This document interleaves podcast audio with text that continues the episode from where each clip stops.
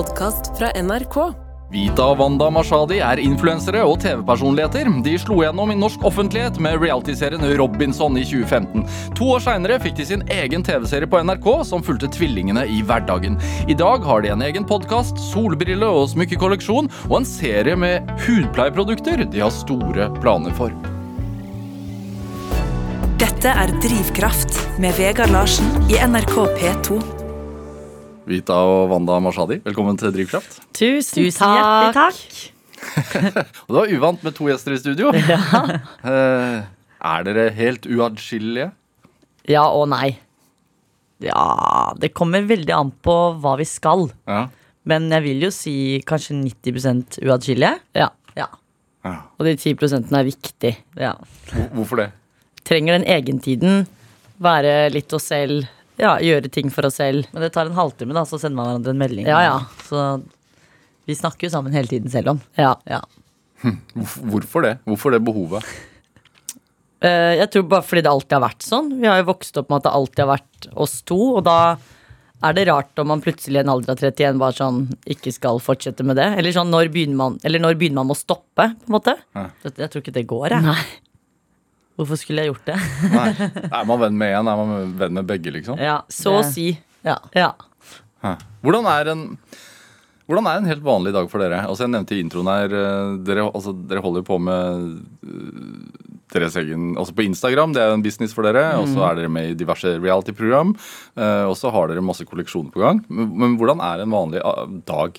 Når, når våkner dere? Altså, vi har jo ikke en vanlig dag, men vi er veldig A-mennesker begge to. Oppe gjerne halv seks, seks, syv. Ja, Kommer litt an på. Hvis jeg Men- noen gang står opp etter klokka åtte, så føler jeg at det er et eller annet som ikke stemmer. Er det noe som ikke er riktig? Da har vi sovet lenge. Ja. Men uh, som regel starter vi dagen med trening. Uh, og så kommer det litt an på hvor veien går videre. Om det er noen møter, eller om vi bare skal hjem og vanne planter. Altså sånn, Det kan være så mye og lite, da. Så det kommer jo helt an på det. Onsdager er f.eks. en dag som er egentlig veldig sånn Kall det like en vanlig sånn arbeidsdag, hvor vi vet at det er opp og stå tidlig. Eh, så er det liksom på plan B, som er managementet vårt, hvor vi spiller inn podkast og har møter hele dagen. Det er vel den eneste dagen som har vært helt lik de siste tre årene, da vi begynte på en måte å jobbe for oss selv. Så det er deilig å alltid ha den onsdagen hvor vi vet at hver onsdag så er det Vi må planlegge alt rundt disse onsdagene, da. Så prøver vi å ha tirsdager ganske åpen. Sånn at hvis det plutselig dukker opp noen møter man må ta, så er det den dagen som som regel passer best, da. Og så er det litt sånn ja, litt sånn her Det og der. Det fylles liksom opp uansett. Ja. På, altså selv om vi sjekker timeplanen på en mandag og torsdag, og ja, og torsdag og fredag ser åpen ut, så er den full Hvor, mandag ettermiddag. hvor lang frem i tid har dere planlagt? Dere er jo frilansere. Mm. Eller selvstendig næringsdrivende. da.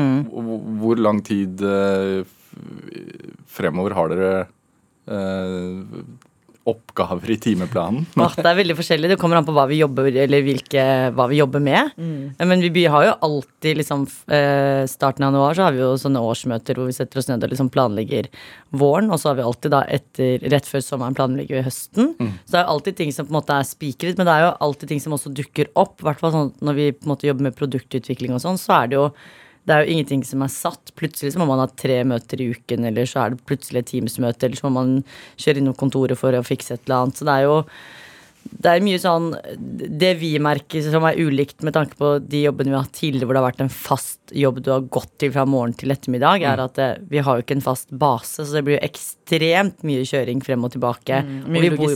Ja, vi bor jo på Strømmen, så det er jo sånn ja, eh, ja, mye frem og tilbake, da. I forhold til hvor man skal ha dette møtet. Kan vi liksom sette oss her og der? Det er jo ikke alle møter man kan ta hos f.eks. frisøren eller på en kafé, da, fordi det er konfidensielle samtaler som skal Ja, som man skal gjennom. Så det er jo litt sånn Det er Hva, mye hva, orgling. hva slags møter er det snakk om? Det er alt fra liksom produktutvikling, om det er kontraktforhandlinger, altså sånne type ting. Nye prosjekter man planlegger til neste år som ingen skal vite om. Ja, Ja. egentlig, ja. Har, har dere et team? Ja. ja. Vi har jo et management, så vi er i plan B, så vi har en manager der. Ja. Eh, hun er jo som en søster, som en mor, som en kalender. Som, altså hun er alt. Ja, vi har til og med synka kalendere med henne, så hun ser jo alltid om vi skal på trening, om det er middag med venninner, så hun har liksom full oversikt. Nå er Wanda hos tannlegen. Ja, Liksom. hun har full kontroll. Og så har vi også Vi har jo liksom noen mennesker i livet vårt, så vi har jo en PT også, for eksempel, men hun også er jo coach, coach. terapeut. Hun også vet jo om alt og liksom hjelper oss med altså, Det er jo liksom noen folk vi har i livet vårt som bare Jeg tenker sånn, jeg kan ikke miste de, Fordi da tror jeg livet mitt rakner. Ja, og så har vi regnskapsføreren vår som har kontroll på hele det økonomiske livet vårt. Og så har vi jo da psykolog som må på en måte holde følelsene våre i sjakk. Så vi går i parterapi, Vita og jeg, for å liksom Ja, sammen? oss. Ja. Ja. Så det er jo Det er uh, mange mennesker som Det er mye, ja, det er mye rigg. Ja. Og venner da som holder oss nede på jorda. Men er det øh, den trofastheten mot øh, manager og PT og altså, Hvorfor er det så viktig at man har de faste holdepunktene? Jeg er ikke så glad i å bli glad i nye mennesker. Så jeg blir veldig sånn, Hvis jeg først liker et menneske, så gir jeg alt. Og det blir veldig trygt for meg. Så jeg liker å ha på en måte samme frisør som jeg har hatt i ni år nå. Altså Jeg liker å ha de samme folka rundt meg. Fordi hvis jeg først åpner meg, så åpner jeg meg veldig. Og da er det veldig trygt å vite at de vet alt om meg. Og hvis det er et eller annet som dukker opp, så vet jeg at de skjønner det meste, da. Og så er det jo Jeg vet ikke, det er bare Jeg er ikke så glad i utskiftninger. Jeg liker rutiner og balanse, men uh, da er det veldig trygt å vite at jeg har de samme folka rundt meg. Hva er skummelt med nye mennesker, da?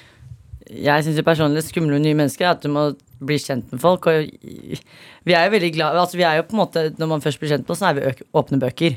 Og det å bare gå gjennom sånn Ok, jeg har hatt denne manageren, jeg har hatt denne frisøren eller PT-en eller psykologen i så mange år, og så plutselig skal jeg begynne på nytt igjen. Det er sånn Det blir jo det blir en helt ny start. Det, det, det orker jeg ikke. Og så må du liksom introdusere da alle de andre menneskene for det nye mennesket. Det blir så mye greier.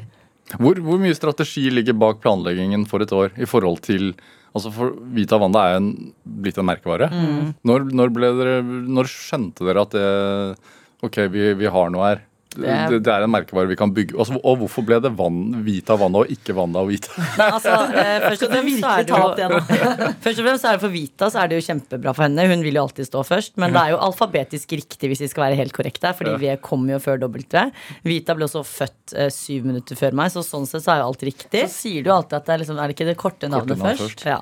Så alt henger jo, er jo på en måte logisk, og jeg har aldri hengt meg opp i at det er eh, Vita og Wanda. Men, Men det er veldig gøy. Ja, men vi hadde, vi hadde Wanda Vita. vi hadde en seanse, fordi da vi skulle, skulle flytte og vi skulle bytte adresse, så var det jeg som tok meg av det og adresseendringen. Eh, og så skulle jeg bestille sånn postkasselapp, og det jeg tenkte jo ikke over at det ikke blir Vita og Wanda. Så da vi får den, det skiltet, så står det Wanda og Vita, og da var det krig i heimen. ikke sant? Så da ble vi enige om at hvis det noen gang skal endres, det postkasseskiltet, så får Vita ta seg av det. Men det er jo helt feil i hodet mitt når jeg ser det postkasseskiltet òg. Fordi det står Wanda Mashadi, med, og den setningen er jo lengre enn Vita Mashadi, så alt er jo feil. Omvendt pyramide. Ja. Ja. Men nei, altså øh, Det med merkevaren og sånn, det tok veldig lang tid. Altså før vi egentlig skjønte at det var en merkevare. Det var jo eh, rett før korona, eller koronaåret, vi sluttet i de såkalte vanlige jobbene våre da. Mm, som var ehm, Først, eh, altså sånn, jeg drev jo Mark Jacobs-butikken i Oslo i mange mange år. Var ferdig der 1.1.2020 og tenkte sånn nå. This is my year, tenkte Ja. jeg. Og jeg jobbet som innkjøper i forskjellige klesbutikker eh, i Oslo på Strømmen. og litt sånn forskjellig. Um, så tenkte vi ja, nå prøver vi. Nå har vi fått oss management og liksom vært der et år, og nå begynner liksom ting å begynne å rulle litt, da. Ja. Men ikke sånn at det tok helt av, men tenkte sånn vi satser litt. Slutta jobben vår i da januar, eller hva det var, og så kom jo korona i mars, og da satt vi der bare Hva Herregud, gjør hva vi nå? gjør vi nå? Nå har vi ikke fast lønning den 25., og liksom Hva gjør vi nå, liksom? Og da var vi jo helt Da var vi jo selvstendige. Vi hadde jo på en måte bare enkeltpersonsforetak og ikke noe trygt, på en måte. Eh, men sånn, jeg, jeg husker på en måte at jeg var litt frustrert og tenkte sånn herregud, hva, hva gjør vi? Men jeg har også alltid hatt den mentaliteten om at det løser seg jo alltid. Altså sånn, så lenge jeg på den tiden, da, da eide vi jo ikke bolig, tenkte jeg så lenge jeg får betalt husleia og har mat på bordet, så er jeg fornøyd. Eh, og så får man jo heller bare Hvor kommer den innstillingen fra, tror du? jeg vet ikke, Mamma og pappa har alltid vært sånn eh, Så lenge dere har tak over hodet og mat på bordet, så skal dere være fornøyd. Og vi har på en måte alltid hatt det og vært fornøyd med det. Og fra tidligere fikk vi beskjed om at det, det handler ikke om bare få få, man må tjene egne penger for å se verdien i ting. Ja. Så jeg tror liksom det, eh, det kom veldig godt med en sånn situasjon. Og jeg er veldig flink til å krisemaksimere, men ikke i sånne litt større ting. Jeg vet ikke, det er veldig Jeg tror ikke det gikk opp for meg hvor øh, kritisk og alvorlig faktisk koronasituasjonen var. Det som var også var jo at det var ikke så mye å gjøre. Vi skulle jo bare sitte hjemme, så man merker jo ikke at man skal bruke penger på ting. Det er jo den husleia, og så er det litt mat. Men det var jo ikke sånn vi gikk glipp av å være med på ting, eller Hva er den største utfordringen med å drive selv, kontra det å få lønning hver måned? Uh, nei, det er jo blant annet det at det er jo veldig trygt å vite at du alltid får inn penger. Det gjør man jo ikke når man driver selv. Eh, I hvert fall ikke i begynnelsen. Eh, og så er det jo For meg så var det faktisk det sosiale. At det ble veldig sånn Shit, jeg har ikke kollegaer, det er ikke noe julebord, det er ikke noe afterwork. Det er ikke et fast sted å gå Nei, til. det, det var de rutinene. Det var jo ikke noen rutiner. Så jeg husker de to første månedene så kunne jeg jo sove til elleve. Da trente jeg på en måte ikke. Jeg gjorde ingenting. Jeg var sånn Sto opp morgenen og tenkte sånn hva, er- hva slags liv er det her? Men jeg er veldig glad for at det var sånn, for jeg måtte lande litt og prøve å finne ut av ting. Og så begynne å bygge en egen hverdag, da. For jeg var jo vant til å stå opp tidlig, dra på jobb, hjemme klokken fire, og så er det henge med venner. Men alt det var jo plutselig borte, så det var veldig uvant. Hvor viktig er det da å tvinge seg inn i nye rutiner? Veldig, Ja. veldig viktig. Det er jo kun det det på en måte handler om. Og det er jo Jeg skjønner at det er lett å skli ut, Fordi hvis du står opp og har en hverdag du selv kan styre, så er det jo lett å tenke sånn Ja, men hvis ikke jeg skal noe før klokken ett, hvorfor skal jeg stå opp klokka syv? Det er lett å utsette ting. Og, Ja, men vi er jo veldig Mennesker er jo vanedyr, ikke sant? Og det er jo bare sånn skaffe seg nye vaner og sette opp en plan, så er det jo lett å på en måte følge de. Men man må jo ha litt sånn, ja, Er dere. Er dere flinke til å pushe hverandre? Veldig. Ja. Men ikke nødvendigvis pushe, men mer sånn indre konkurranse uten at det er konkurranse. Jeg ville jo aldri eh, ligget i sengen for eksempel, hvis Vita hadde stått opp og dratt på trening eller gjort noe. Og ikke fordi jeg har veldig lyst til å eventuelt gjøre det, men fordi hun, hvis hun klarer, så klarer jeg. Så det er jo sånn, det er det som er veldig fint med oss, at selv om eh, selv om vi på en måte gjør det meste sammen, så er det jo også fordi man Eller vi ofte har den indre konkurransen Men jeg vil jo si pushe hverandre. Det er jo sånn for eksempel, hvis jeg har en dag hvor jeg bare sitter og svarer på mails, og Wanda ikke har den dagen, så vet jeg at ok, men da sitter ikke hun og slapper av. Da kan hun finne på å liksom rydde og vaske leiligheten. Sånn at det går litt sånn opp i opp. Så vi har jo litt sånn pusher hverandre uten å på en måte si fra, men vi skjønner hverandre veldig godt. Så det er ikke snakk om at én skal slappe av den ene dagen, og den andre sitter og jobber. Da kan Wanda for eksempel dra og handle eller altså, gjøre et eller annet for at det skal liksom gå opp i opp. da Dette er Drivkraft med Vegard Larsen i NRK P2. Og i dag er uh, gründerne og TV-personlighetene Vita og Wanda Mashadi gjester her hos meg i Drivkraft på NRK P2. Det med å vite hva den Altså, dere er jo tvillinger, og bo- bor jo sammen. Eh, Herregud, det var creepy. Og det der gjør vi så ofte, altså. Det er helt sykt. er det Hvorfor tror dere at tvillinger fremdeles er fascinerende? Altså det, det fødes noe sånn som altså Fire av tusen fødsler er uh, enegga tvillinger, eller et eller annet sånt. Men fremdeles så er jeg i hvert fall synes det er fascinerende. Jeg synes det er, dritfascinerende altså jeg er hun som stopper opp på gata hvis jeg ser en mor eller far holde to små barn da, som er helt likkledd. Så er jeg sånn, stopp, jeg blir fascinert. Og så glemmer jeg jo selv at jeg er tvilling. Ja. Fordi jeg opplever jo ikke oss, i i hvert fall ikke utseendemessig, men heller ikke personlighetsmessig like. Uh, men når jeg ser tvillinger, så blir jeg helt sånn det kan være sånn For eksempel i sommer, da vi spilte Norway Cup-kampen, eh, den veldedighetskampen, så var jo Marcus og Martinus der. Og da stopper jeg bare sånn Jeg ser ikke forskjell. Man blir så fascinert. De er helt like. Og jeg glemmer jo selv at jeg er tvilling. Men så har man som tvilling da, det er litt gøy, så har man noen sånn tvillingspørsmål. Det er alltid sånn, fordi Jeg vet ikke om dette er forsket på, men jeg har jo litt rundere hode enn Wanda. Wanda er litt smalere. Og så har jeg alltid spørsmål sånn Hvem av dere har det runde hodet, og hvem har det smale? Det er sånn jeg alltid spør om. Og så er det også alltid sånn Hvem er den snille, og hvem er den slemme? Så jeg- det er jo ingen som er snille, eller sånn. Men det er alltid en som kanskje er litt rundere i kantene enn andre, da. Mens den andre er litt- mer streng. Så jeg har liksom alltid de faste tre-fire spørsmålene jeg alltid spør andre tvillinger om. Men jeg jeg syns selv det er dritirriterende å få. Men jeg må jo stille de selv, så det er veldig sånn jeg skjønner at folk er fascinert. Altså, har jeg vet ikke om det stemmer, men jeg har hørt at det kan være sånn at én er venstrehendt, én er høyrehendt. Altså, vi er Ja, helt like. Ja, det, og det syns jeg egentlig er litt rart. Ja. Men det har jeg også hørt. Altså at man speiler Ja. hverandre. Men er ikke det noe annet? Det er jo speiltilling. Ja, dette er en annen type Ja. tvilling. Men, det, jeg vet men jeg vet ikke hva slags art av en tvilling vi er. Men vi er i hvert fall ikke speiltvillinger, da. Men er det hva, hva er det folk gjerne misforstår, da? Sånn som dere sier, vi er forskjellige, forskjellige personligheter og Ja, det er jo ofte det at det, det vi opplever mest av misforståelser, er jo f.eks. hvis det er la oss si, saker i media, eller om vi har vært med på noe reality, eksempel, at eh, folk skjønner ikke at vi er to. Så det er jo flere ganger, la oss si f.eks.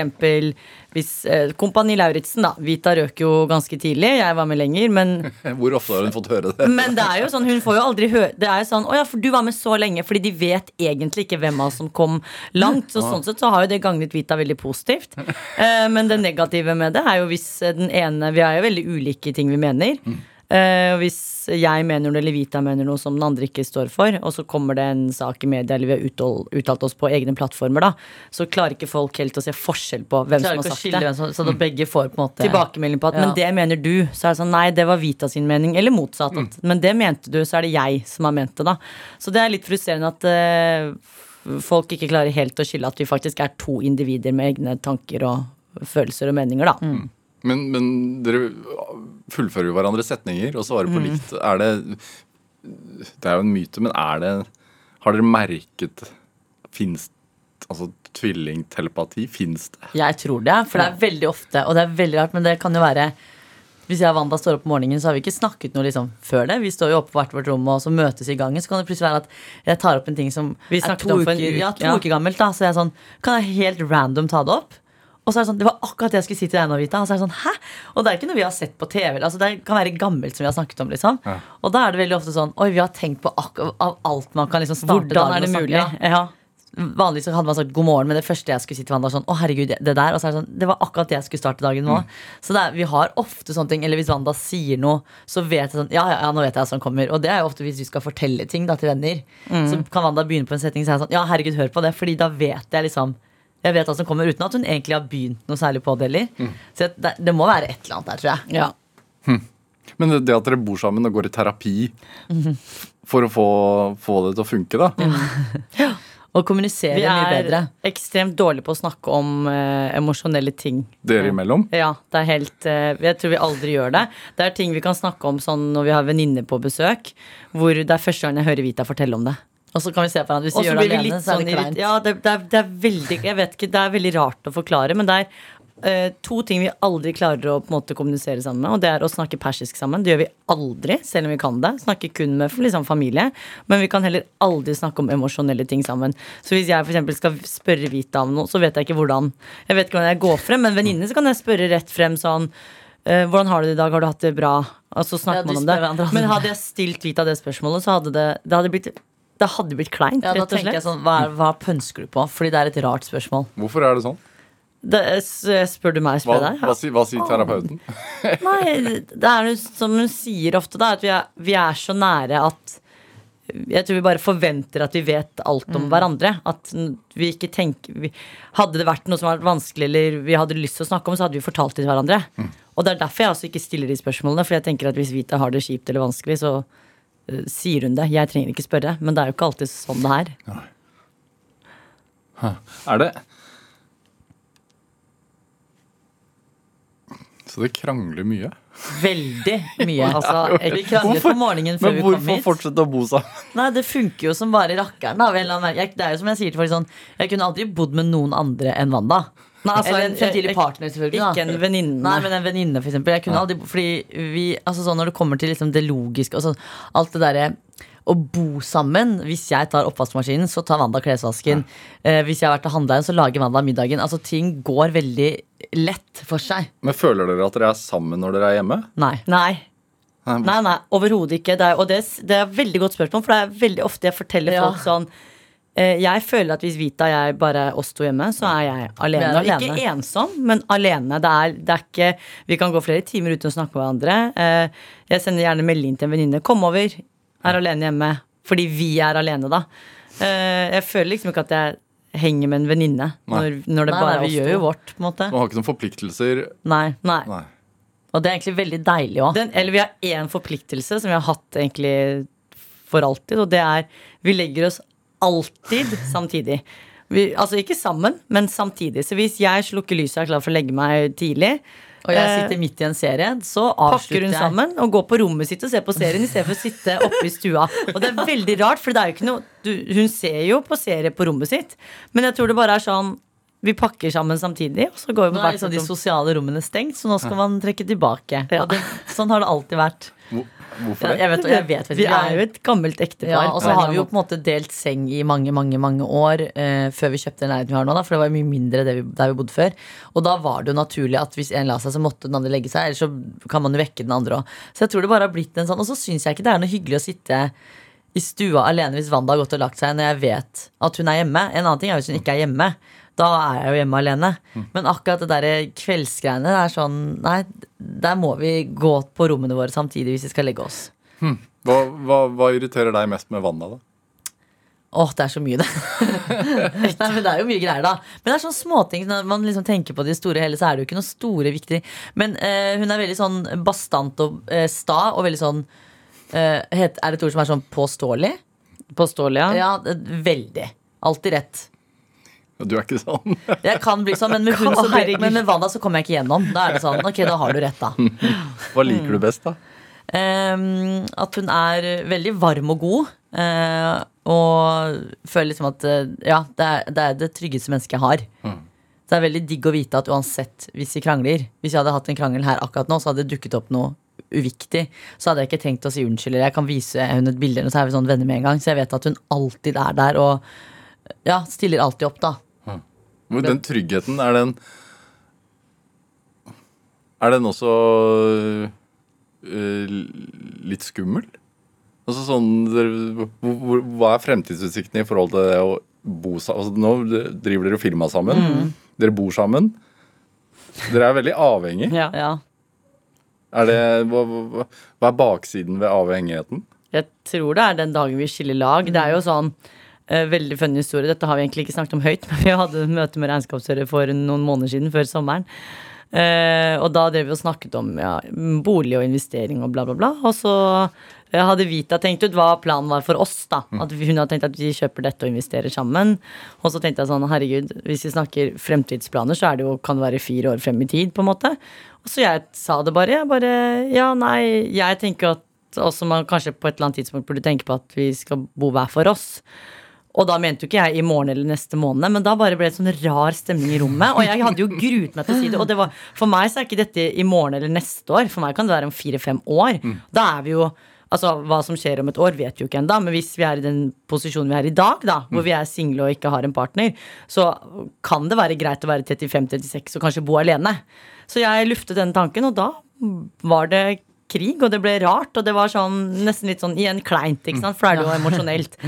Og da kranglet vi om at nei, Vita var, eh, var helt i det med at ja, nei, da er det bare å selge boligen i dag, og vi kan jo flytte fra hverandre. Jeg er jo veldig sånn. Veldig rett i krise. Og jeg bare, men dette handler jo ikke om nå. Dette her er jo noen år frem i tid. Vi må jo, på et eller annet tidspunkt må man jo snakke om det. Men eh, det ble jo ikke så godt tatt imot, da. Men vi er jo klar over at det skal skje. Men Ja, vi har når vi kjøpte satt leilighet til bordet, så var det jo sånn Dette blir jo vår første og siste leilighet som vi har kjøpt sammen. Det vet vi jo. Kjøpe tomannsbolig, da. Altså, det var jo det. jo det da. Men da er jeg sånn Nei, da skal jeg i hvert fall bo alene. Ja, ikke sant. Hva, hva med deg, Wanda? Hva, hva, hvordan vil du hva er, hva er din, din søsters gode eh, egenskaper? Eh, Det er at hun er mindre konfliktsky enn meg og tar den fighten jeg ikke tør å ta. Det er, det er lite hvitt jeg syns er ubehagelig. Det er mye jeg syns er ubehagelig. Og det er ganske digg sånn hvis vi får en mail, og så sitter jeg bare åh, hvordan skal jeg svare på den? Så har hun allerede svart, f.eks. eksempel Eh, Så det er jo ofte veldig deilig at hun hun, hun tar seg litt av den dritten som jeg kanskje opplever som kanskje ikke så jeg Så er dere ikke, utfyller hverandre? Veldig. Ja, det gjør vi faktisk. Veldig. Hva irriterer deg? Eh, ofte veldig mange hvite løgner som jeg kan ta ned på. Bare sånn tullete ting hjemme. Helt sånn Som for eksempel? For eksempel eh, Hva skal man si? Vi spiser jo ikke helt likt hjemme, da. Så har jeg kanskje en kalkunfilet, og hun har eh, skinke. Som jeg tok feil. Og så kan jeg ta den på det, og så har vi en evig diskusjon om at eh, nei, det, det var hennes. Så det er sånne tullete ting. Men også, og det går også over til at hun også er sta, og det er vi begge to. Vi har eh, foreldre som er sta. Selv om de er veldig ulike, de to, så er de også ekstremt sta. Så jeg skjønner jo hvor det kommer av. Er dere enige i forhold til business? Ja, Ja. Alltid. Veldig. Og det er derfor det funker så bra òg, fordi vi er veldig enige. Og hvis vi er uenige, så er vi enige at flertallet avgjør, eller det som på en måte faktisk er det beste for businessen, er det som er rett, da. Ja. Så der har vi sjeldent Vi krangler aldri over det. Vi kan ha noen sånne diskusjoner som er Sunne sunt diskusjoner ja. som er fint på en måte Men ikke noen usaklige krangler eller Men sånn som på sosiale medier, da, hvor dere har en god følgerskare begge to. Altså, Ikke like mange, er det vondt? Nei. Det har alltid vært Det har alltid vært sånn. jeg Nå har har ikke alltid fast. hatt 10 000 følgere mer enn meg. Men hvor, hvor mye diskuterer dere dere imellom før dere legger ut en post på Instagram, f.eks.? Aldri. Aldri. Vi, og, Men det er jo ofte tilfeller eksempel sånn Vita er litt mer tør å si fra litt mer, da. Så det kan det være situasjoner hvor hun legger ut ting hvor jeg er sånn Dette er jeg kanskje ikke enig i, eller Men jeg legger meg ikke opp i det. Men jeg kan også forstå at folk reagerer, eksempel. Men det er jo ikke min sak hva hun velger å legge ut på sin plattform. Vi har jo hver vår stemme til syvende og sist. Og hvis Vita har lyst til å ha en rant om et eller annet som jeg er uenig i, så er- tenker jeg kjør på. Det er jo din plattform, og du må jo få ytre dine meninger uten at jeg skal stå i veien. Men det er ikke dermed sagt at jeg mener det samme eller er enig, og det går begge veier. Hvor, mye, hvor mye planlegging ligger bak uh, det dere mater den plattformen med? på Instagram Det jeg liker med Instagram og Snapchat, er for det er der vi hovedsakelig er, er jo det at det planlegges ekstremt lite. Ja. Det er alt, og det er det flere av vennene våre som har sagt òg, at de syns det er veldig gøy å se hvis vi for er på turer, da, så legger jeg ut bilde der og da med en gang. Jeg er ikke sånn som sparer opp og legger ut alt i morgen, eksempel. Alt skjer nå med en gang. Og jeg syns det er veldig digg, fordi det blir veldig ufiltrert, og det blir veldig ekte. Og så syns jeg bare den bildedelingen er supergøy. Og da kan det jo ofte være sånn hvis vi vet at vi for eksempel skal et eller annet, da, sånn som nå vet jeg at vi skal til Stryn til helgen, så vet jeg sånn, ok, da kommer jeg til å legge ut en del bilder, for eksempel. Så jeg ber det, men ikke noe sånn jeg planlegger, ikke frem i tid sånn, neste uke skal jeg legge ut bilde av dette antrekket, eller, altså det, er- det jeg føler for der og da. Men den hva skal man si, ufiltrertheten og at det ikke alltid altså Det føles ikke så polert, da. Og det føles veldig ærlig. Hvor stor del av appellen eller suksessen tror du det har å si? Jeg tror det kanskje er det folk liker. Altså Jeg følger jo ulike typer folk selv. Jeg følger de som har helt polerte profiler og er på de kuleste moteshowene eller gjør ekstremt mye kult da, og fancy. Syns at det er veldig veldig gøy, men det igjen veldig langt ifra min hverdag. Men så elsker jeg jo personlig mer de som legger ut ting i nuet. Hvis jeg vet at Oi, denne kjente profilen, han eller hun skal på dette nå. Nå ser jeg masse innhold på det. Det syns jeg er mye kulere enn at det kommer en recap fire dager senere. Fordi da, da er jeg ferdig med det. Jeg trenger jeg bryr meg egentlig ikke hva du gjorde for fire dager siden. Jeg Vi se får det jo, får jo mye tilbakemelding på at folk syns det er veldig gøy for oss fordi det er så oppnåelig og veldig sånn Vi drar også på Mester Grønn og kjøper tre for to blomster, liksom. Det er ikke sånn og det tror jeg veldig mange liker, at det er veldig ekte. Og det er sånn, det kan jo jeg som kaller det mann på gata gjøre også, da. Og da føler man seg kanskje litt mer sånn Ja, at man eh, bonder mer med mennesket. Jeg er bare to damer fra Skotterud. Ja, det er jo faktisk det. Det er akkurat det strømmen nå, da. Det er jo jeg fikk jo faktisk en tilbakemelding fra en følger på Snapchat her om dagen, for det er der vi på en måte eller er mest aktive, da.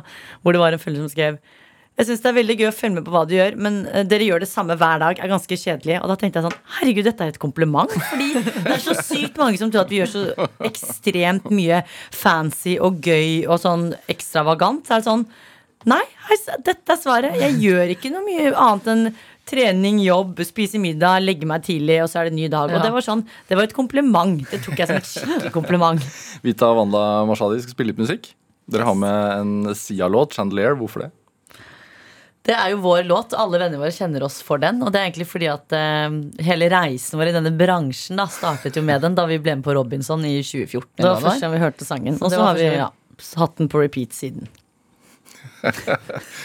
Rutiner. Veldig rutiner, ja. Party girls, don't get hurt, can't feel anything. When will I learn? I push it down, I push it down. I'm the one for a good time call, phone's blowing up. Ring on my doorbell, I feel the love, feel the love. One, two, three, one, two, three, drink. One, two, three, one, two, three, drink. One, two, three, one, two, three, drink. Back till I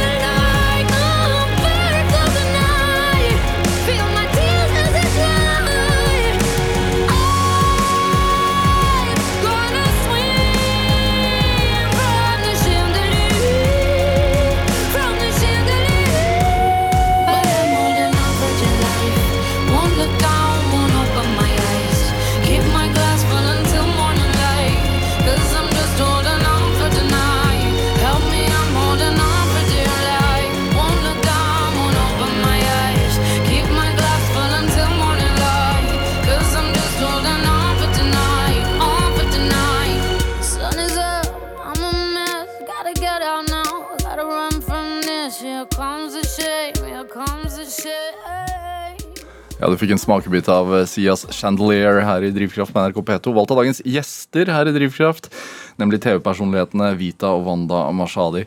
Eh, Jeg nevnte Skotterud rett før eh, låten her. Eh, Hvor er det? Ja, herregud. Det er eh, utenfor Kongsvinger, altså Eidskog kommune, som er ja, utenfor Kongsvinger. Uh, tidligere Hedmark, nå er det vel Innlandet fylke. Oh, ja, det er ikke noe Hedmark lenger, selvfølgelig. Nei, Hva, hva slags plass er det? Det er et høl. Lov å si. ja. Vi har ikke noen gode minner derfra, for å være helt ærlig. Så det er, vi har ikke så mye hyggelig å si om det. Men det er jo et lite, lite, lite tettsted. Ja, hva, er, hva er lite lite? Altså, Hvor mange innbyggere var det da vi bodde Kan- der? det vet jeg 4000. Ja, og noe, tror jeg. veldig, veldig jeg tror ikke det var mer. Er ikke det ganske lite? 4000? Det er lite. Det er ganske lite, da, hvis man tenker på antall følgere jeg har på sosiale medier. Så er det jo ganske snikskryt. Nei, men sånn, bare for å sette ting i perspektiv på sånn Ja. Ja. se, ja. Hva er typisk Skotterud, da? Åh, hva er typisk godt? Jeg vet ikke, Gule fotballdrakter. Det er liksom det jeg husker, kanskje. Hvor lenge bodde dere der? Til vi var 15. Ja. Så ja, vi har faktisk bodd nå på Strømmen over halve livet. Så nå sier jeg at jeg er fra Strømmen, faktisk, når folk spør. Hvorfor slo dere dere ned der?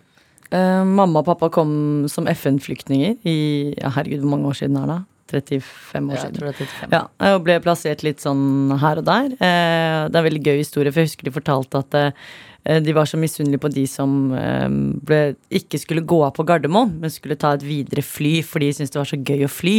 Men mange ble jo da flydd opp til nord, og mamma og pappa var så misunnelige på at de skulle ta en lengre flytur. De skjønte jo ikke at det var så klart bedre å bo litt, litt lenger ned pga. temperatur og diverse. Så de trodde jo at de hadde tapt i forhold til de andre, da. Ja. Og så ble de jo plassert ja, i Hedmark, da. eh, Magnor først. Så vi bodde jo noen to av de første årene våre der, før de flyttet til Skotterud. Og så bodde vi, bodde vi der til vi var eh, 16 år. Nei, jo, 16 og 15 år var Ja. vi. Ja. Hvorfor FN-flyktninger fra Iran? Pappa var jo politisk engasjert, og det, vi har egentlig ikke gravd så mye, så jeg kan Jeg skjønner ekstremt lite av det. Ja. Og så begynner, når de begynner å skal begynne å fortelle, så sitter jeg bare og jatter med, for jeg skjønner egentlig ikke. Ja. Men jeg bare vet at jeg er mektig imponert, for jeg husker jeg spurte mamma om det for noen år siden, og da vet jeg bare sånn, de flytta henne, de var sånn 17 år, eller altså, de var jo så unge, så jeg, all kred til de, men hovedpoenget, eller pappa sin hovedsak var jo også at han ønsket ikke å få barn i Iran, fordi det var jo da Iran begynte å endre sånn, hva er det det heter da, regime. Eh, og det, Han ønsket ikke at barna hans skulle vokse opp der, så hans mål var jo å få barna hans til et land hvor de på en måte hadde en fremtid. da Har, har, du, har han hatt noe vilje til å prate om det? da? Ja, men vi har liksom ikke spurt så mye heller, egentlig. Nei. Det har vært så, vært så komplisert at jeg bare har egentlig ikke satt Men Vi burde faktisk tatt en Ja, prat. jeg vet det. Det et er, det er for dårlig. Ja. Men, men altså, det, dere er jo født i Norge, men, men uh, foreldrene deres uh, merket jo en overgang, selvfølgelig. Eh, har dere, altså, hvordan merket dere den overgangen for dem? Jeg tror egentlig ikke vi tenkte over det. De har vært så ekstremt flinke og bra for vår del på at de gikk så all in for å integrere seg at vi har egentlig aldri merket Jeg har aldri tenkt over at de egentlig kommer fra en annen kultur. Jeg har kanskje merka det mer i voksen alder, fordi eh, i den kulturen så er det veldig vanlig at eh, barna på en måte tar vare på foreldrene når de blir eldre.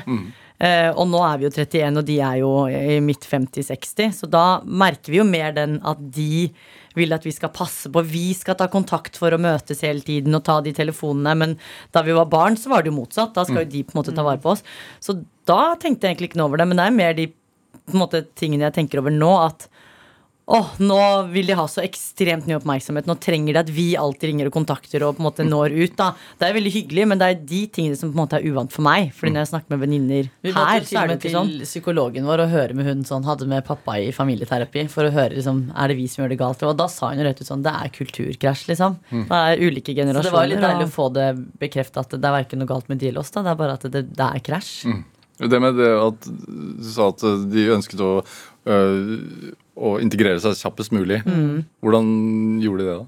Eh, kom fort i arbeid, dro på norskkurs for å lære seg språket. eh, og var egentlig liksom opptatt av å bli veldig selvstendig her. De kom jo og hadde absolutt ingenting. Nei. og pappa fortalte liksom sånn da han og mamma fikk første lønn, så var de så stolte at de hadde tjent egne norske penger. Og, så det er veldig gøy at de liksom eh, fikk det til så bra. Pappa er jo ekstremt arbeidsjern. Jobber liksom døgnet rundt. Mamma har alltid vært, men, og mamma er den kreative. Ekstremt kreativ. Så jeg skjønner liksom hvor, eh, hvor vi har fått det fra. Ja, hvor jobba, eller Hva jobbet de med da dere vokste opp? da? Pappa jobbet med sånn elektronikk eh, Eller hadde sånn elekt jobbet i et elektronikkfirma først, og så startet han eget. Og mamma var alt fra liksom hjelpepleier på eldrehjem, altså gjort mye sånt. da Ja, Og likt å sy, ikke sant. Veldig sånn, egentlig veldig mye forskjellig. Har dere lært noen gründermentalitet av far? Ja, det vil jeg si. Alltid sånn eh, stå på. Altså ikke gi dere og Og tørre å ta noen sjanser og ja, gå all in hvis man først skal gjøre noe, da. Ja. Så jeg tror det har vært veldig med på å hjelpe oss til å ta noen sjanser. Ja. Og bare gønne på. Og så har det hjulpet veldig at det har vært veldig støttende. De har alltid vært sånn Det er jo veldig sånn typisk kall det Iran å være sånn man skal, bli, ja, man skal bli leger eller tannleger, liksom, kirurg. Mens pappa og mamma har alltid vært sånn så lenge dere blir lykkelige. Og jeg husker enda en dag da når jeg skulle ta friår etter videregående, så var jeg livredd for å si det til mamma og pappa. For jeg tenkte sånn, de tror at jeg skal Pappa trodde at vi skulle bli astronauter, ikke sant. Og det trodde jeg òg, men jeg skjønte jo det ganske tidlig at det skjer ikke. Og da når jeg skulle ringe mamma og pappa og si sånn Du, jeg skal ta friår og jobbe et år på Peppers Pizza liksom, med 107 kroner i lønn. Og de var så stolte. For det var sånn, vet du hva, Jeg er så glad for at du gjør noe du har lyst til. Og da husker jeg at jeg begynte å gråte. Og var sånn, Herregud, de mener det faktisk. For det er så stor forskjell på det å si sånn gjør hva du vil, og det å liksom vise at du faktisk støtter det. da og da husker jeg var sånn, ok, men det mener de alvor, liksom. Så her kan jeg faktisk gjøre akkurat det jeg vil. Og da var det så trygt å bare gønne på, for jeg vet at de støtter du uansett. Men har dere tatt et bevisst valg ved å ikke eh, si, være nysgjerrig på den iranske siden? Eh, det- Jeg tror egentlig det bare kom til naturlig fordi vi aldri har blitt prakkete på oss av mamma og pappa. Eh, Pappa er jo veldig integrert i forhold til mamma. Mamma er jo veldig glad i den iranske kulturen. Eh, Vi har liksom feiret persisk nyttår, som det heter, i mars, er det vel? Ja. Og gjort de tingene der. Men det har aldri vært noe hun har sagt dere må lære dette, dette må dere videreføre. Så jeg har jo vært med og feiret de forskjellige tingene, men jeg kan jo overhodet Og det er jo julaften og ribbe som på en måte er oss, og det er det mamma og pappa alltid også på en måte har feiret med oss. da Men jeg tror for min del, uten at jeg vet hva Wanda tenker der, men jeg tror for min del så da jeg var ung, så spurte jeg ikke så mye om de tingene, for at jeg skammet meg så mye av det å være liksom ikke være 100 norsk, da, selv om jeg følte jeg var det. Og det er jo fordi at vi ble jo ganske mobbet da jeg var mye yngre. Og da tenkte jeg sånn, da skal jeg i hvert fall ikke ha noen røtter eller vite noe mer om det som folk peker på og sier er feil. Og da hadde jeg i hvert fall ikke noe interesse av å finne ut sånn noe mer om den bakgrunnen. Da ville jeg jo heller bli mye mer norsk, da. Kan man oppleve kritikk eh, over å bli for godt integrert også som familie? Absolutt. Altså sånn, jeg tror de, og det følger jeg den dag i dag òg, jeg tror de største kritikerne våre er folk med minoritetsbakgrunn. Det er helt, eh, helt sykt. Jeg tror jeg får jeg, altså sånn, jeg, jeg merker oppriktig at jeg blir glad hvis jeg får melding av en jente eller gutt da, på sosiale medier som er minoritet. Så blir jeg sånn Å, herregud, lik, lik. Ja. har du noe hyggelig å komme med? Fordi hver gang det er noe negativt eller det er noe eh, kritisk eller noe dritt, så er det fra unge eller folk på vår alder som er iranere eller fra Midtøsten Jeg vet ikke, det er liksom Det, er- det er helt sykt, Hvor, faktisk. hvorfor, hvorfor det, tror dere? Jeg vet ikke, jeg tror altså, jeg, jeg husker da vi kom med den serien vår på NRK for mange år siden, så var det jo kommentarer fra eh, menn, f.eks. utenlandske gutter og menn, som var sånn eh, Skam dere, dere går med shorts på TV. Altså, det, var, det er liksom sånn type ting. Og det, det er så fjernt for meg, for vi har vokst opp i et land hvor det er fritt. Jeg kan gå i hva f jeg vil. Mamma og pappa har aldri brydd seg. Det har aldri vært noen sånn strenge regler eller rammer for oss på hvordan vi skal være eller te oss. Så når jeg plutselig hører det fra helt vilt fremmede, så blir jo det det blir så absurd. Det er veldig ofte sånn dere er skam for det iranske miljøet. Så er det sånn, Jeg har aldri vært i det iranske miljøet, så det går helt fint. Men det er veldig sånn, så de er veldig på sånn at vi er en skam. Og så tenker jeg sånn Basert på hva da? Så det er jo ja, det er de som er kjappest på å spre hat. Ja. Er det den baksiden av medaljen ved å stikke seg ut? Altså det, den Oppmerksomheten fører jo til at man får masse muligheter og kan bygge en business etter hvert. og, men, men baksiden av medaljen er ja, det er jo det negative. det negative. Ja. Ja. Og jeg har jo liksom alltid sagt til vennene mine sånn jeg, jeg elsker jo jobben jeg gjør, jeg elsker å kunne være kreativ og gjøre det jeg selv vil, men jeg hater jo det å være synlig. Jeg synes det er gøy. Så klart er det gøy med koselige meldinger på Instagram-bildet ditt eller likes. Det, det positive er jo kjempekoselig. Alle liker jo det. Men jeg had, hadde jeg kunne valgt å jobbe med det jeg jobber med, og gjøre alt jeg gjør i dag og ikke være synlig, så hadde jeg valgt det. Ja.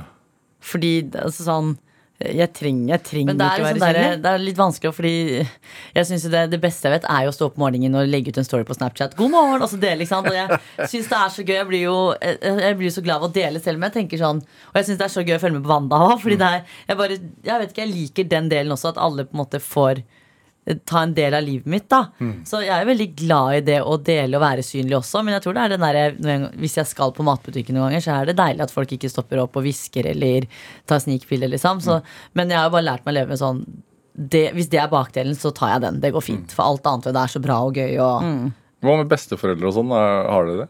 Nei, siste gikk vel vekk for to Nei, tre år. Herregud. Nei, lever ikke bestefar? Nei, Vita, seriøst. Herregud, ble jeg nei. Han gikk jo vekk. Oh, ja, herregud, ja. Nei, men vi har, Poenget er at vi har ikke hatt så veldig god kontakt med fordi alle, hele familien vår er i Iran. Så det var litt sånn diffus, faktisk. Om han, men ja, Wanda har jo faktisk rett. Ja, Dette var veldig. Besteforeldrene våre har gått vekk alle sammen. Men uh, fra pappas side da hadde vi veldig god relasjon. Det var litt, sånn, litt lettere å møte. Vi dro jo aldri til Iran for å møte dem, på en måte. Eller da vi var små, gjorde vi det. Men i voksen alder så hadde, har vi en tante som bodde i Dubai. Så da pleide vi å møte besteforeldre og fettere og kusiner og sånn der, for det var jo så lett for de å reise over fra Iran til Dubai, da. Enn all den logistikken med visum og alt mulig til og fra Norge og ja, til Iran. Og vi har jo en stor familie, så det er på en måte ikke bare bare å få ned 20 mann. Den mobbingen dere eh, nevnte, hva gikk den på? Veldig utseende. Det var veldig Vi passet Hårfarge, jo Ja, vi passet på en måte ikke inn i forhold til det de andre rundt oss eh, så ut som, da. Hvor mange, Så- hadde, hvor mange hadde sort hår i, i Det, ja, det var ikke mange, ass. Ikke, ikke da, i hvert fall. Tidlig i 2000-tallet. da var det bare Wanda og meg. Vi skjønte jo egentlig ikke det. Det som er fint, er jo at det tok ganske lang tid, mange mange år, før vi egentlig skjønte at vi ble mobbet. Vi skjønte at vi ikke var godt likt, og at liksom folk at det var skummelt å gå til skolen. Men jeg tror ikke jeg tenkte over at nå blir jeg mobbet. Nei. Det er jo Det var skummelt å gå til Ja, det var sånn ubehagelig fordi de store gutta i 8. og 9. klasse kunne slenge kommentarer. De kunne og stå rundt hjørnet og Ja, stå det på var liksom ting hele tiden. da skaterampen. Ja, det var bare sånn ubehagelig At det var litt sånn ubehagelig å gå til skolen. Jeg husker jeg gledet meg til å få sykkel, for da var den strekningen kortere, men samtidig så gruet jeg meg fordi sykkelen kunne bli Ja, det kunne ødelagt. Eller, så det var liksom sånne ting, men ikke noe sånn Jeg luftet jo aldri liksom med mamma eller pappa fordi for meg, eller for oss, så var jo det vanlig. Det var jo sånn det var. Og så var jo vi mye sammen, så vi fikk jo begge to dritt. Så da føltes jo det på en måte normalt ut også. Det var ikke bare den ene, det var begge. Så var det sånn Å ja, men det er jo kanskje dette som er normalen, da, fordi begge får jo samme type dritt, eller Og så var vi jo aldri, selv om vi på en måte, ikke hadde så veldig mange venner, så var vi jo ikke ensomme fordi vi nettopp hadde hverandre. Ja. Så sånn sett så var vi jo heldige i forhold til mange som kanskje står i det helt alene Ja. og opplever den ensomheten litt mer. Snakket dere med hverandre om det, da? Aldri igjen emosjon. Altså sånn, det, tror kanskje det er det som også gjør at vi aldri snakker om det nå i voksen alder heller. Fordi vi har, da vi, fra vi var små, ikke snakket om vanskelige ting eller ting som på en måte opplevdes ubehagelig. da Den usikkerheten det skaper, hvor lenge sitter det i?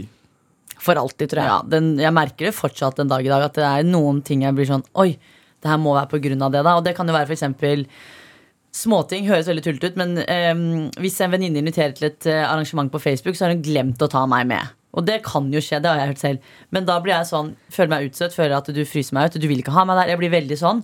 Selv om hun da kan sende den invitasjonen på SMS, og så blir jeg lagt inn i gruppa en uke senere. Fordi hun har glemt det, som er helt naturlig. Så blir jeg sånn, nei, men, Og da kan jeg være sånn, jeg kommer ikke den bursdagen, fordi du har egentlig ikke ville hatt meg der. Og det er jo på grunn av Da vi var små, så var det jo sånn. Vi ble ikke invitert til ting, eller når vi arrangerte noe, så var det ingen som kom. Så da, den merker jeg ofte kan sitte litt igjen. Eller sånn hvis vi blir invitert til ting, så er vi kanskje ja, blir invitert like før, da. Så vi er sånn, ja, vi er de restene. Fordi det sitter igjen fra barndommen. da Så akkurat den delen, og det vet jeg jo selv. Så der prøver jeg som hele tiden å jobbe med sånn La det gå, Vita. Ja, Men jeg det. sliter veldig med å liksom Hvor kommer motet fra, da? Fordi dere fremstår modige. Dere er modige, da. Ja, det føler jeg. tror det bare kom fra at da vi flyttet til Strømmen, at vi var sånn Nå skal jeg bare snu situasjonen. Mm. Nå starter vi med blanke ark. Vi kan endelig få venninner. Vi kan endelig liksom etablere oss her. Ingen vet hvem vi er. Mm. Eh, og da ble det liksom noe annet da vi begynte i 10. klasse på Strømmen. da Og fikk venninner og fikk en venninnegjeng. Og, og da snudde det litt. Da gikk det fra at vi aldri sa ifra, at vi alltid rakk opp hånden i klassen og ble litt sånn ufine mot andre jentegjenger. Det var liksom vår jentegjeng mot noen andre jentegjenger. Og, men ikke sånn at det ble noe mobbing, men det var bare sånn turte å si fra, da. Eller være kanskje litt ufin fordi jeg vet ikke, ta igjen og hatt litt sånn indre agg som, som man har sittet med lenge. Dere var gode, ganske gode i fotball. Hadde det noe å si? Ja, det- ja, ja. fordi vi hadde, ble plutselig akseptert på et lag hvor det var andre jenter. Vi fikk starte kamper. Det var venninner å henge med på fritiden. Det var ikke sånn du kom på trening, du var ikke datteren til treneren, så da fikk du ikke spilletid. Det var liksom noe annet. Altså det var, alt henger jo på en måte sammen. Eh, Det å bli litt mer akseptert for hvem du er, og hva du kan, og ikke bare fordi du er en annen person, da. Hvor gode var dere? Altså, jeg, lever jeg, nei, jeg lever på det her enda. Jeg ble toppskårer med 28 mål en hel sesong. Ja. Og den statuen har jeg enda. Den har Men det skal armen, da. sies, da, siden Vita får lov til å skryte, så skal det sies at eh, vi ga oss faktisk på ulikt nivå. Og da var jeg faktisk over deg. Ja, men vi spilte ikke i samme posisjon, så jeg hadde litt større konkurranse. Ja, men Spilte i Strømmen og Vålerenga? Ja. Ja. Ga oss, eh, ja, ga oss i Vålerenga. Hvorfor? Det ble for seriøst. Nei, jeg ga meg faktisk fordi jeg skulle studere. eh, og så fikk jeg et eh, ultimatum av treneren at jeg enten måtte velge studie eller fotball. Og så god var jeg ikke, altså. At jeg hadde valgt fotballen, det, det var, der var jeg ikke. Så tenkte jeg sånn Vet du hva, da studerer jeg heller. Det ble ikke noe av det heller, da, så det er jo greit. Hmm, studere, ja. Hva, hva slags utdannelse har dere? Eh, jeg har ingenting. Jeg har eh, ett år på sykepleie. Ja. Så det er vel egentlig det. Men, eh, Jeg fikk ikke godkjent vitnemål på videregående. Jeg har godkjent nå, da, for jeg tok jo opp fag. Ja. Eh, Men nei, jeg har aldri vært noen sånn skoleperson. Jeg får jo angst og eh, blir nesten skjelven når jeg ser det er skolestart og folk står og venter på bussen. Fordi de skal på, altså sånn, Hvorfor det? Jeg vet ikke, jeg, bare, jeg tror det er bare at jeg har hatt dårlig opplevelse med skole. At det, For meg er det sosiale, uansett hva jeg gjør i livet, så merker jeg at det jeg alltid ser tilbake på, er alt det sosiale rundt ting jeg gjør. da Om det er reality, så er det sånn Det er det sosiale jeg liker ved det. Og skole var sosialt, eller det var det jeg så tilbake på og tenkte sånn Det er dette jeg vil like, men så var det ikke noe sosialt og gøy, fordi jeg hadde ingen venner, og det var liksom ikke bra. Så Det var et tror sted du var utrygg? Veldig utrygg. Ja. Veldig og Ja, det var bare helt feil for meg. Og da tror jeg liksom jeg sitter igjen med den delen, da. At eh, skole for meg er en sånn negativ ting som bare ikke passer meg. Nei. Dere har valgt å snakke øh, ofte og åpent om, om det med mobbingen. Hvordan, hvordan unngår man det? Unngå å bli mobbet. Ja. Eller unngår man at noen mobber? jeg, jeg det, tror går det an man å kan unngå det? Det er det som er så trist. Hva gjør man hvis det skjer med en, da? Nei, Eller hvis hvis man har et barn som blir mobba? det er så lett å si ta det opp med skolen, men det er, det er liksom sånn det er fælt å si, men det, jeg føler ikke at det er, blir tatt på alvor nok. Det er en grunn til at man fortsatt sitter og snakker om dette. Så føler jeg det bare blir verre og verre og verre. og verre. Ja, og nå hvor ting er mye mer tilgjengelig på sosiale medier, hvor det er plattformer hvor folk kan på en måte skrive negative ting, dele bilder og diverse, så føler jeg at Altså, misforstå meg rett, men jeg tror jeg er glad jeg ble mobba da, og ikke nå. Ja, ja 100%. Fordi ting var helt annerledes da vi var, gikk på ungdomsskolen eller barneskolen, eh, kontra de som går på barne- og ungdomsskolen nå. Men har dere blitt hardhuda av det?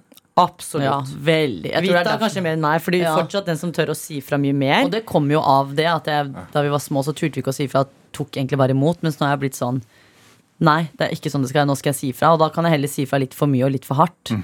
Enn å ta imot dritt, da. Men ønsket om å, å bli sett må jo ha vært til stede. Jeg tenker Når man melder seg på ja. uh, Robinson uh, selv, så, Det- så har man et ønske om å være i norsk offentlighet eller å, å bli sett, eller bli kjendis, uh, hvis man skal bruke et annet ord. Det er det som Altså- er gøy med akkurat det med Robinson og oss. For det var jo ikke det som var tilfellet. Altså, jeg tenkte jo ikke For det første så satt jeg og så på Robinson og tenkte sånn Herregud, dette, du har jo alltid hørt fra du har vært liten sånn Hva ville du tatt med deg hvis du hadde strandet på en øde øy? Så tenkte jeg sånn, Vi elsket jo konseptet Robinson. Satt og så på det med mamma og pappa hver gang de gikk. Og så da jeg var gammel nok, tenkte jeg sånn Herregud, la oss bare søke. Vi prøver, vi ser. Og så søkte jeg, Vita fikk en telefon, var på intervjuer, og så plutselig så var vi der. Men jeg tenkte aldri at eh, TV var noe for meg. Etter den produksjonen så var jeg sånn Jeg hatet alt som hadde med TV å gjøre. Hvorfor det? Jeg trodde at det jeg så på TV, var, var bare litt sånn fiksa på. Jeg tenkte sånn, De får jo mat. Så sultne blir de ikke. De er ikke så slitne som de er Man på. Man glemmer jo at man er der 24 timer i døgnet nå, fordi man ser jo bare Ja. 1 12 time på TV. Også da vi var der, så var det verre enn det jeg noen gang hadde sett for meg. Og jeg bare tenkte sånn, dette, Jeg kan aldri være med på noe TV-greier igjen. Dette er ikke noe for meg. Gledet meg til å komme tilbake på jobben min på Mark Jacobs og bare sånn åh, leve det livet jeg egentlig vil leve. Uh, og jeg, jeg var helt ferdig med TV. Jeg tenkte sånn, jeg, jeg gikk jo til og med å snakke negativt om produksjon, og det var ikke måte på. da Og dette er mennesker man har jobbet med i etterkant. Men jeg var bare sånn, dette er ikke noe for meg. Jeg skjønner ikke at folk gidder. Og jeg visste jo heller ikke at så klart konseptene er ulike fra program til program eller kanal til kanal, eller at det er ulikt om du melder deg på kontra det om du blir eh, castet til noe. Ikke sant? Jeg kunne jo ingenting. Så for meg så var det bare sånn TV var boikott. Og så fikk vi jo tilbud om serien vår på NRK, da, hvor Vita igjen er litt mer sånn åpen for ting enn det jeg er. Og sa ja. Jeg klarte ikke å runde av møtet, så da var jeg litt hyggelig. Ja, altså, NRK lagde jo Vita Wanda, eh, realityserie, eh, som gikk i tre sesonger. Ja. Var det over tre år, eller var det Tror det var over to og Det var egentlig mye lenger, for det tok ganske lang tid før Ja. NRK kjøpte opp konseptet. Så vi begynte faktisk allerede i 2016, men jeg tror ikke det var premiere før i 2018 eller noe. Men som fulgte hverdagen deres. Ja. Eh, og dere var åpne om masse. Altså, Alt, alt. eh, Kontroversielle Plastisk ting. kirurgi, Ja, ja, ja. Eh, brystreduksjon, eh, mobbing mm. Altså, dere var veldig ærlige, da. Ja. Og veldig åpne og veldig priva altså sånn åpne om privatlivet. Og dere var 25 år, Ja, Ja. Vi Eh, fylte 25, som er, faktisk. som er ganske ungt. Ja. Sett i ettertid, var dere, var dere Skjønte dere hva dere var med på? Absolutt ikke. Nei, det det, som- men det er det som er så gøy, for det var jo samme med Robinson. Og, vi skjønner, og det er jo enda en dag der jeg ble på Kompani Lauritzen. Sånn, vi vet jo ikke hva vi sier ja til. Vi bare sånn, dette høres fett ut, vi gjør det. Og, og jeg husker jo veldig godt med den NRK-serien, så var vi jo ikke helt forberedt. Så vi hadde jo litt sånn eh, krisehåndteringsmøter med NRK i forkant, fordi de var sånn, dette kommer til å bli stort, og vi skulle på en måte ta over den derre eh, skam... eh. Bølgen. Så vi var litt sånn, ja ja, vi skjønte jo ikke det. Og så når det først kom, så husker jeg jeg hadde premierefest samme dagen dette her kom. Og da husker jeg at jeg måtte skru av mobilen min, fordi plutselig så bare det rant inn med følgere og meldinger og presse. Og jeg sa til bare, hva er det som skjer? Jeg skjønte ikke at dette skulle ta så av, da. Så det var jo sånn, det var jo en helt ny verden. Det tok jo helt av. Og jeg skjønte ikke hvorfor. For jeg var sånn, vi bare deler at vi er på jobb og handler taco på matbutikken. Og så har det kanskje vært en neseoperasjon inn der, liksom. Men er dette så gøy, liksom? Jeg skjønte jo ikke viktigheten i det, da. Mm. Kardashians var jo stort da, eh, allerede. Eh, også verdens mektigste influenserfamilie, som har bygd seg opp et imperium, rett og slett. Eh, det, serien ble jo solgt inn litt som det, den norske Ja. Kardashians. Var det noe dere tenkte på? Absolutt ikke. Vi fikk ikke en krone betalt, faktisk. Så vi var unge og naive, skjønte ingenting. Igjen, kan ingenting om, eller kunne ingenting om TV. Og tenkte sånn ja ja, det her er sikkert bare gøy. Og vi har jo ikke sett på Kardashians, så vi visste jo egentlig ikke hva de sammenlignet oss med. fan av Kardashians. Aldri sånn, sett på ja, ja, sånn reality. Ja, ja, Og jeg skjønte jo ikke begrepet sånn reality. Så jeg var sånn, hæ, men Robinson er reality, men det er jo reality-konkurranse. Ikke sant? Jeg skjønte jo Det var, så, ja, det var mye vi ikke skjønte. Men hvordan gikk det fra plutselig uventet suksess med liksom litt naivt ja, naivt. til, å, til å bli en eh, At man begynner å legge en strategi, og at eh, det blir til en karriere da, hvor man tenker steg for steg. Det er jo oppriktig da vi fikk et management. Ja. Fordi vi skjønte at vi kan ingenting om det. her. Vi har lagd denne serien med NRK i så lang tid. Den har vært en suksess. Vi fikk innsikt i tallene og satt der bare sånn Vi har ikke tjent en krone på dette her. Så ble det vi må bruke det som et springbrett. Ja, så var det mye presse som vi ikke helt klarte, og vi visste ikke hvordan vi skulle håndtere. Og jeg har jo ikke noe filter, så jeg var sånn vi følte jo sånn Det tror jeg veldig mange føler på når man går inn i den bransjen og er ganske ny, og at man føler man må svare på alt. Så da var jeg sånn, igjen, veldig naiv. Sendte mail til Plan B som om det var en selvfølge at de skulle ta oss inn. For jeg skjønte jo ikke at man liksom må søke om dette. Sendte mail til Plan B og var sånn Hei, Wanda, jeg trenger et management, bla, bla, bla. bla. Veldig kort og godt. Og tenkte sånn, nå skal vi bare signere. Og det gjorde jo faktisk, da. Så det er jo litt ironisk at de var veldig kjapt på den. Men det er jo ikke sånn den prosessen funker. Men så fikk vi management, og da var vi bare sånn Vi satte opp en strategi hvor vi var sånn Vi har ikke lyst til å være de rosa tvillingene. Fordi det er så mye mer ved oss. da Vi liker å gå på turer, vi liker å være sporty. Vi er på en måte ikke de som kom frem i NRK. Jeg er glad for at det har skjedd, men det er på en måte ikke oss. Kun det vi er, da. Hvem, ikke hvem har du lyst til å være, da? De vi er, de vi er egentlig. Og det er liksom være kreative, sporty Være med de vennene vi alltid på en måte er med. Og, men jeg er veldig glad for NRK-serien. Jeg syns det er en dritkul liksom, ting å ha liggende ute. Jeg er dritstolt av den, selv om jeg kan se på den med litt sånn pute foran øynene. øynene. Men eh, det, det er jo vi, Om det så hadde vært kamera der eller ikke, så var det oss på den tiden. Jeg føler bare det vi ikke fikk så godt frem der, er jo det at vi har sterke meninger, og at vi tør å si fram ting. Og ja, litt den seriøse delen i oss, da. Og det var det jeg hadde veldig behov for å få frem òg. Og, og nå har dere jo altså, Dere har vært med i diverse reality-program. eh, gitt ut bok eh, uh, om styling. Tips. Uh, smykkekolleksjon, solbrillekolleksjon. Riktignok under andre merkevarer. da Ja. Og så gründa egen merkevare. Eh, Mars, da, som står for byen Mashhad, eh, hvor familien er fra. Ja. Men er det Er det en, en ny retning? Ja, altså sånn, Vi har alltid hatt interesse for hudpleie, så det var jo naturlig at det var det vi ville drive med. Men vi har også alltid tenkt siden 2020, da vi skulle stå på egne ben, at vi har lyst til å gjøre noe eget. Vi har jo jobbet innenfor retail, salg, eh, så lenge. Vi kan det, vi er dritgode på det. Og så, det, det sier jeg rett ut, fordi det vet jeg at det er. Jeg fikk høre det av tidligere, leder ledere òg. Og var sånn, hvorfor ikke bruke det? Altså, vi kan alt dette her. Vi kan bruke våre egne plattformer på markedsføring. Vi har liksom alle ressursene til å på en måte gjøre noe bra selv, da, hvis man har et godt team med seg. Så det var jo ganske tydelig at vi ville ville få til noe. Og så er man såpass heldig at vi er jo liksom privilegerte nok til at vi er profilerte, som gjør at så klart ressursene blir litt mer tilgjengelige enn hvis vi ikke hadde vært profilerte. Mm. Det er jo litt mer hjelp å få på veien, i stedet for å starte helt på scratch. Hva er fremtidsdrømmen, da?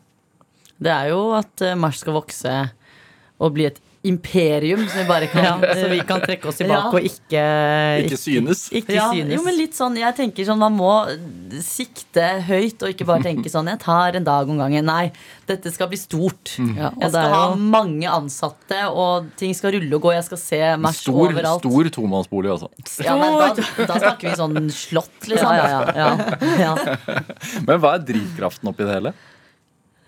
Altså jeg tenker at dette kan jo kanskje være litt sånn at man ikke skal si høyt, men for meg så er det mye av den der økonomiske tryggheten. Altså.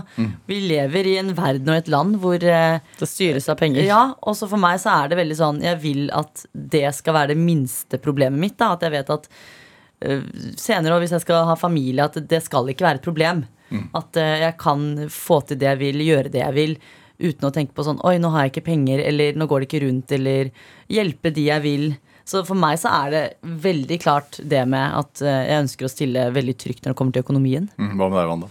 Ja, det er eh, både det, men også det å egentlig bare være, være At jeg kan stå hver dag og være glad. At jeg liksom setter pris på at Eller jeg kan skjønne at jeg setter pris på ting jeg har. Fordi det er liksom ulikt rundt omkring i verden, og vi er såpass privilegerte at vi har, har de mulighetene vi har her. Da. Så det er liksom bare det å vite at jeg er født og oppvokst her og har så mange ressurser tilgjengelig og fine og bra mennesker rundt meg, er liksom nok drivkraft for meg til å kunne stå opp hver dag og vite at det blir en jævlig bra dag. Vita og Wanda Mashadi, tusen takk for at dere kom til Drivkraft. Tusen Takk hjertelig takk for oss. Lykke til på Oktoberfest. Tusen takk! Hør eh, flere samtaler i Drivkraft på nrk.no eller i appen eh, NRK Radio. Send oss ris eller ros og også tips til mennesker som du mener har drivkraft. Send en e-posten til drivkraft.krøllalfa.nrk.no. Vi hører veldig gjerne fra deg. Produsent i dag det var Kjartan Aarsand, mens Melody Holst Talebi bidro med research til denne sendingen. Men dette, dette var Drivkraft. Jeg heter Vega Larsen. Vi høres. Du har hørt en podkast fra NRK. Hør alle episodene kun i appen NRK Radio. En podkast fra NRK. Hei, jeg heter Ingrid Haaler. Synes du Love Island er mer interessant enn Premier League? Ingen kommentar. Da er trash noe for deg. I'd like to know what's going on between Carly Kloss and Taylor Swift. Hver uke inviterer jeg deg og en gjest til å menge oss i all den deilige søplete popkulturen som finnes der ute. Hør Trash i appen NRK Radio.